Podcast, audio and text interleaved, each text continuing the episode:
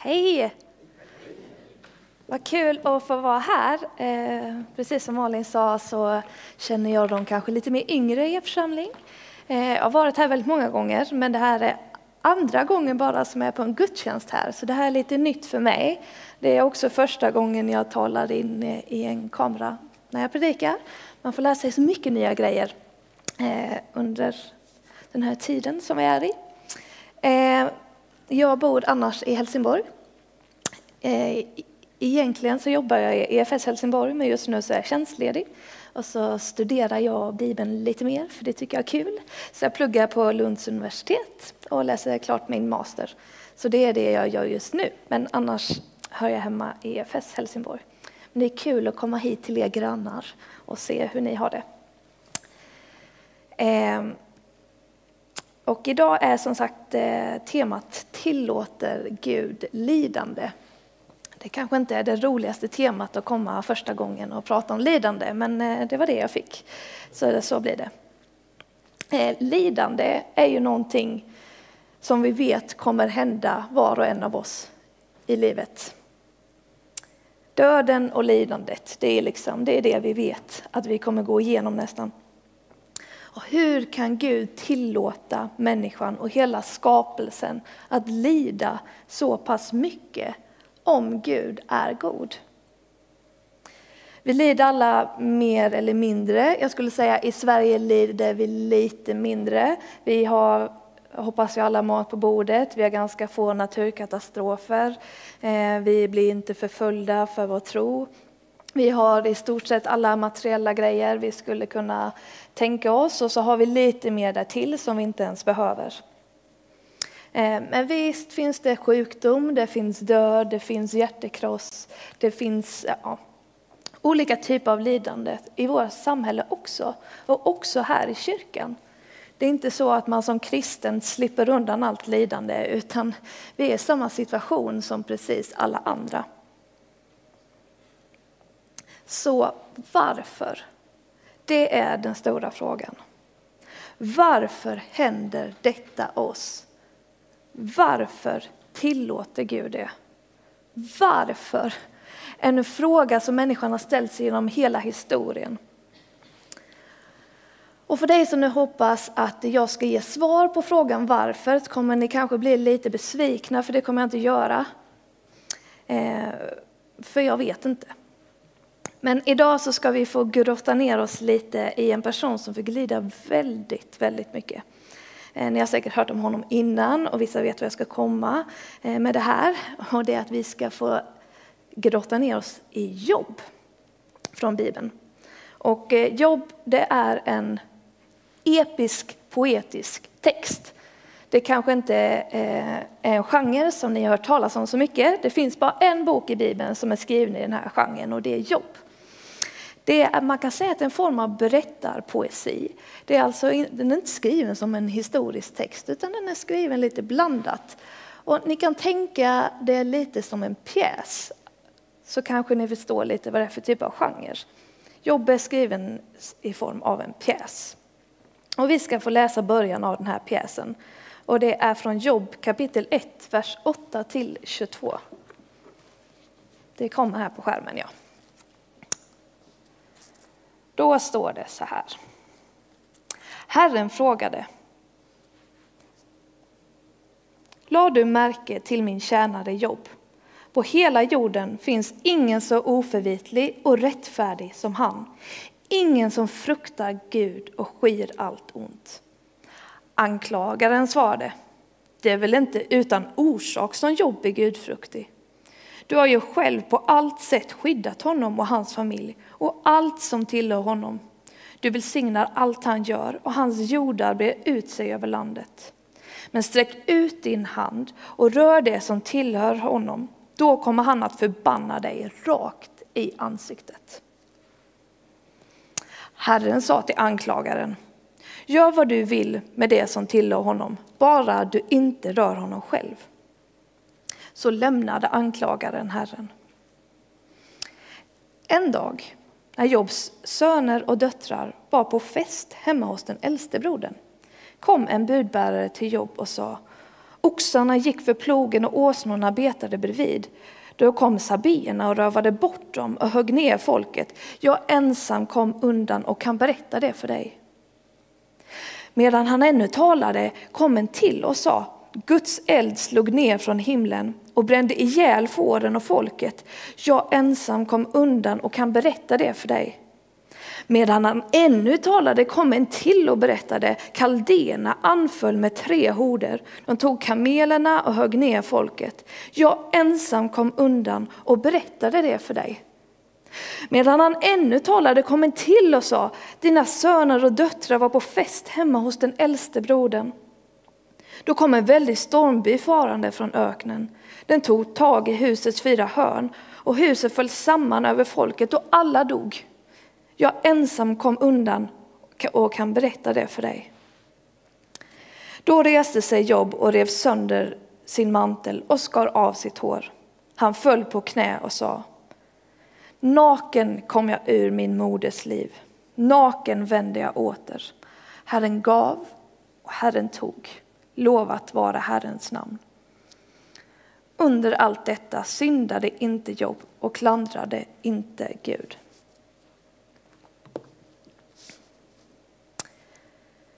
Genom den här boken så får vi lite tips på hur vi ska liksom lida igenom det oundvikliga som är livet. Den har med frågan varför att göra. Och jag vill dra ut tre saker från, eh, från Jobs bok, vad vi kan lära oss utifrån det. Och det första är, det finns inga snabba och enkla svar på frågan varför. Det andra är, vi måste omfamna att leva utan svar på frågan varför. Och det tredje är, vi kan förvänta oss ett slut på lidandet. Så den första punkten. Jag tror det finns två olika sätt att se eh, på lidande.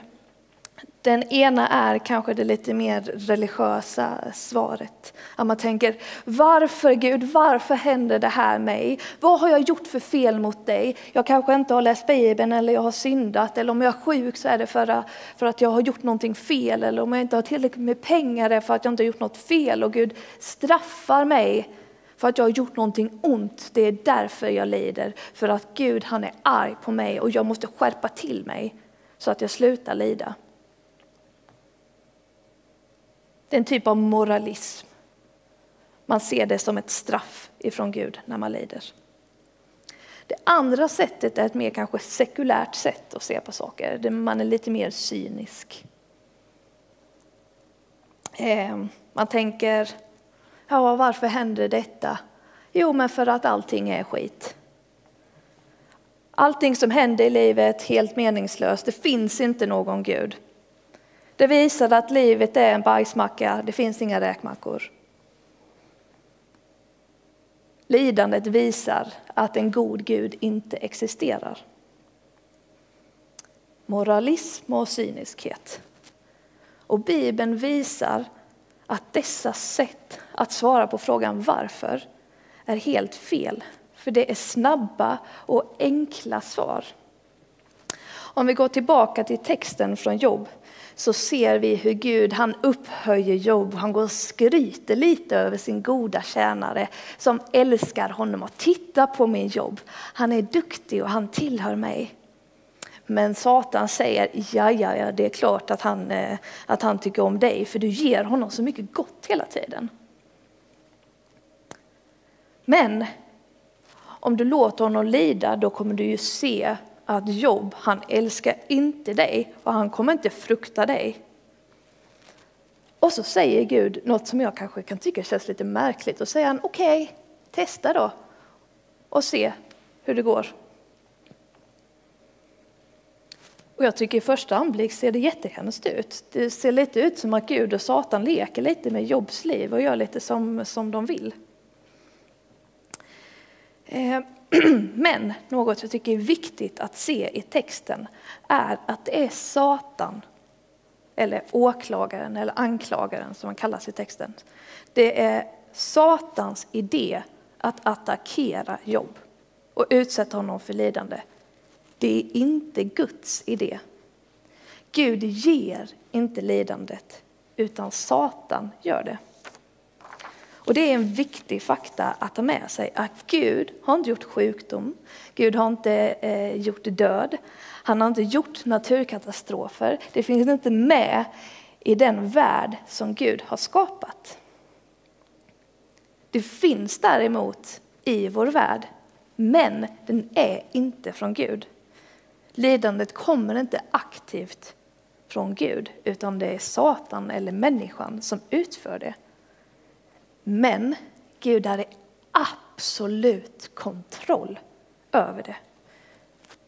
Ibland så kan man tänka att Gud och Satan är i en liten jämbördig fight och så, uh, vem är det som ska vinna?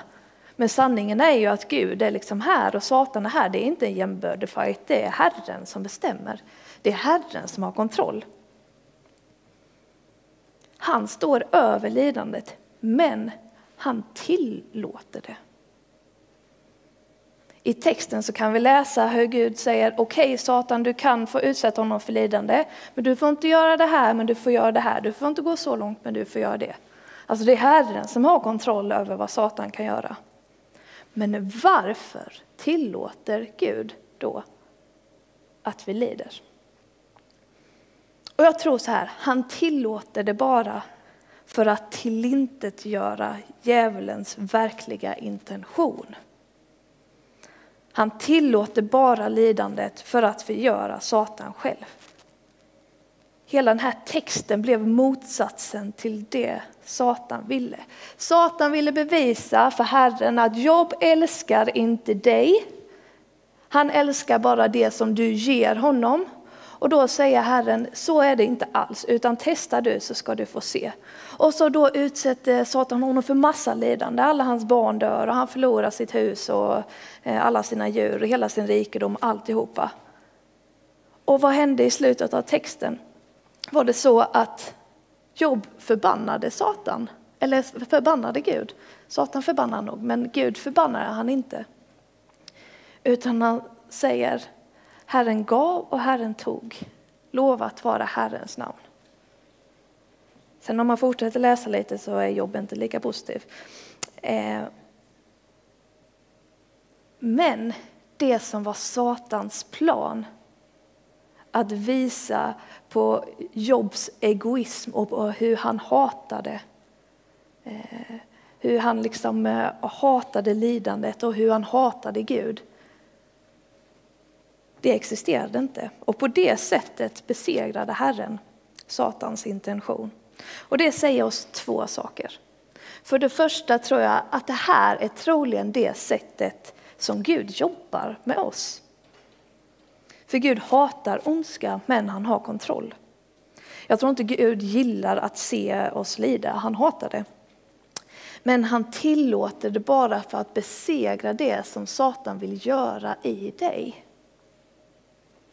Och för det andra så får Jobb aldrig reda på intentionen bakom varför det här hände. Jobb får aldrig under hela boken reda på att eh, Gud och Satan har haft en liten deal och gjort en liten plan. Jobb tror hela tiden att det är Gud som utsätter honom för lidande.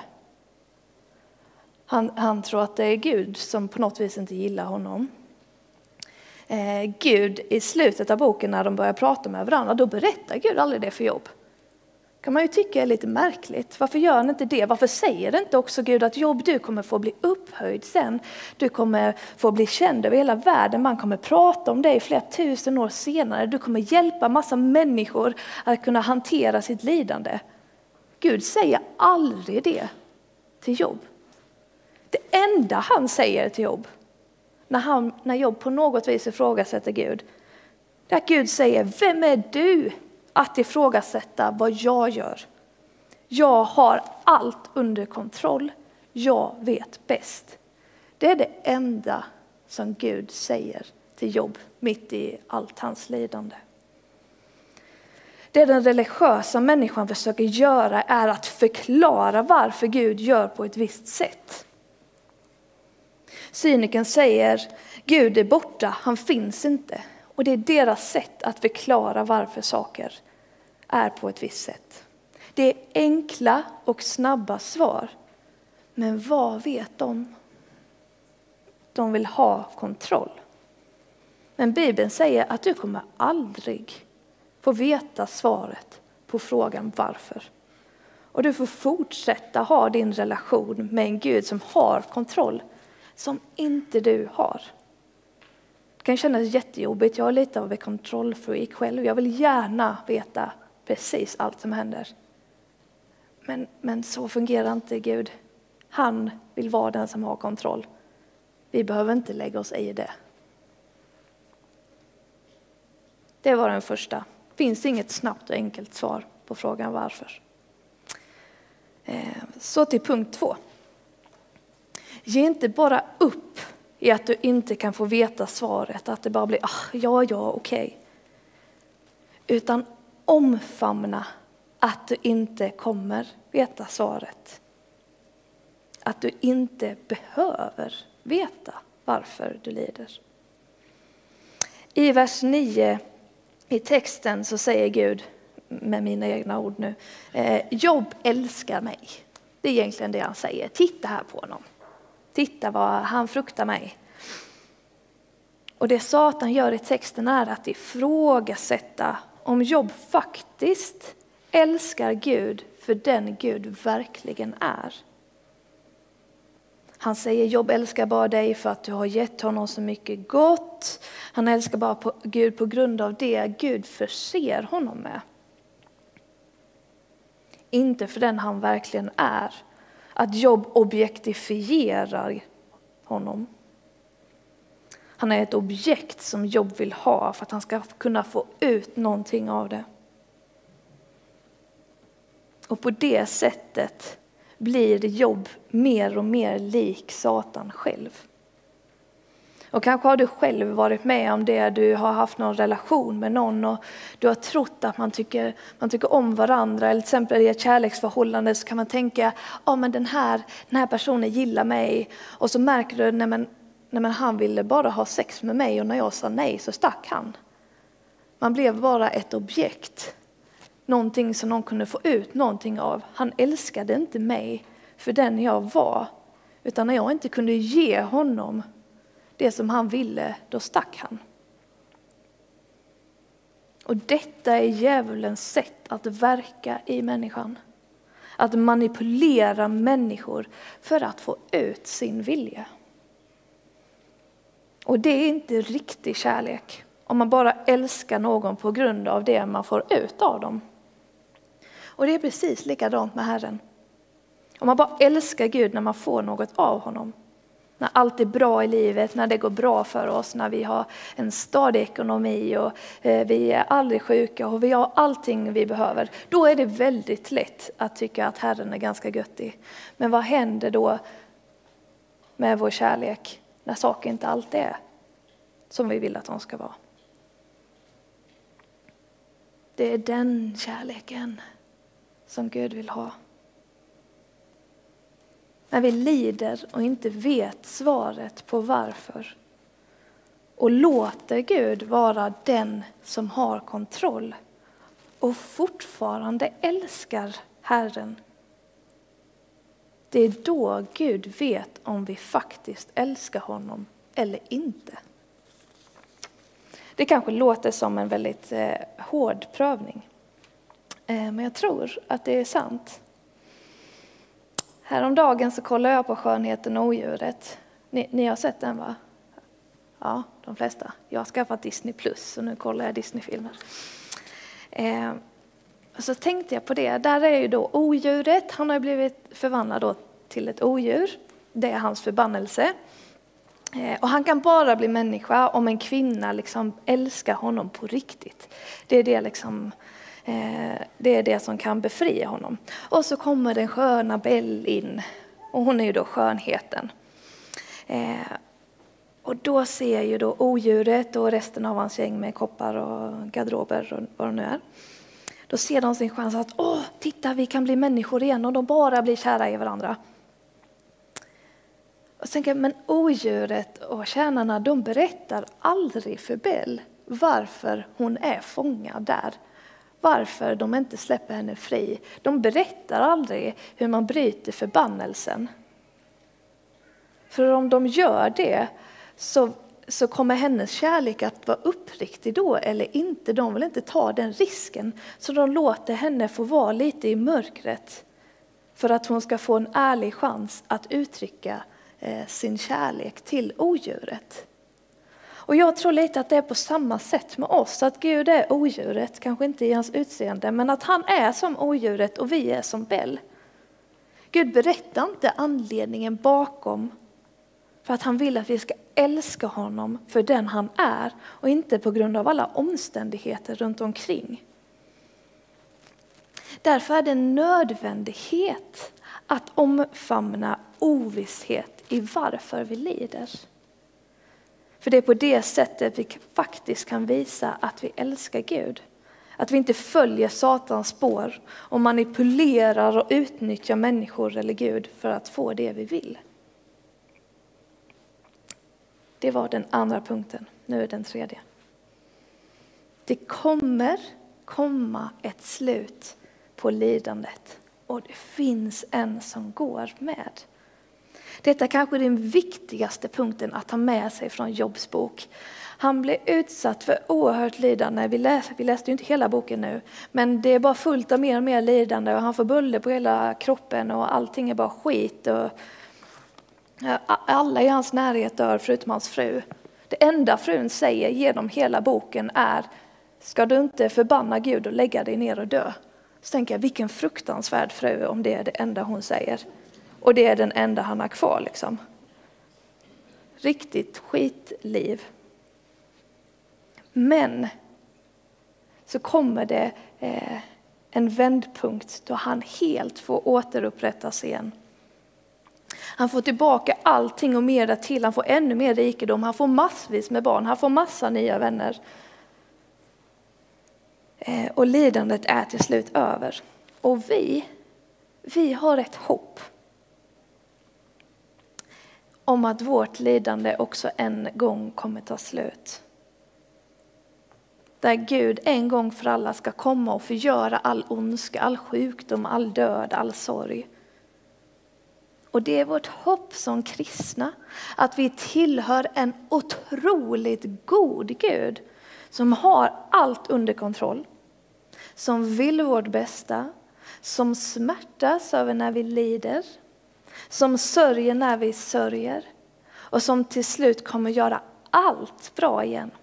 Exakt när den tiden kommer, det vet jag inte heller, så jag kan inte ge ett svar på det. Ehm, men Gud har det under kontroll. Den tiden kommer. Och just nu när vi är eh, i en tid av lidande, av eh, död, av naturkatastrofer, av pandemier, så har vi till och med någon som går med oss. Inte en enda gång under Jobs lidande så överger Gud Job. Han är med hela tiden. Job kanske inte alltid känner att, att Gud är med. Han kanske inte ser att Gud är med. Men vi som läsare, vi ser att Gud är där genom allt. Gud är inte heller en Gud som inte vet någonting om lidande. Utan han är ju en Gud som har lidit med oss och för oss på riktigt. Jesus valde ju att lämna all härlighet och all makt uppe i himlen och komma ner hit och fick lida något helt fruktansvärt mycket. Utan orsak för din och min skull. Han är den enda människan i hela världshistorien som har blivit helt övergiven av Gud. När Jesus dör så överger ju Gud honom och han blir nedkastad i helvetet. Det har inte någon annan av oss blivit. Han är den enda som har blivit helt och hållet övergiven av Gud. Trots att han inte hade gjort en gnutta fel för att vi skulle bli fria, för att han skulle kunna lida med oss, för att han skulle kunna känna vårt lidande och bära våra bördor i vårt lidande. det är en Gud som verkligen vet vad lidande är. Som förstår, som går med och som aldrig överger. Trots mina unga år eh, så har jag en egen erfarenhet av att lida. Eh, jag har under några års tid lidit av utmattning, har varit sjukskriven flera gånger om, har lidit av ångest och av depression. Och det har varit en fruktansvärd tuff tid i mitt liv. Jag har ropat och skrikit. Varför Gud, varför händer det här mig? Varför mår jag så här? Men det också fått vara en tid då Gud har fått bära mig. Där jag på riktigt har fått uppleva hur någon förstår hur jag har det. Som delar min sorg, som delar mina bördor, som är tålmodig mot mig, barmhärtig mot mig. Mina böner var nog inte särskilt eh, roliga för Gud att höra. De var inte fyllda med särskilt mycket glädje. Men han tog emot dem. Han visste hur jag kände. Han kände med mig. Och han tålde min ilska och frustration. En Gud som går med oss genom våra lidanden. Som en gång kommer ta bort alla lidanden. Som har all makt över lidandet. Som går segrande ur kampen. Är det bästa evangelium som vi kan ha. Så låt oss få lämna den här frågan på varför till Gud och lita på att han är den som har kontroll, på att han är den som har omsorg om oss. Att han bär våra bördor och att han en dag helt ska ta bort dem.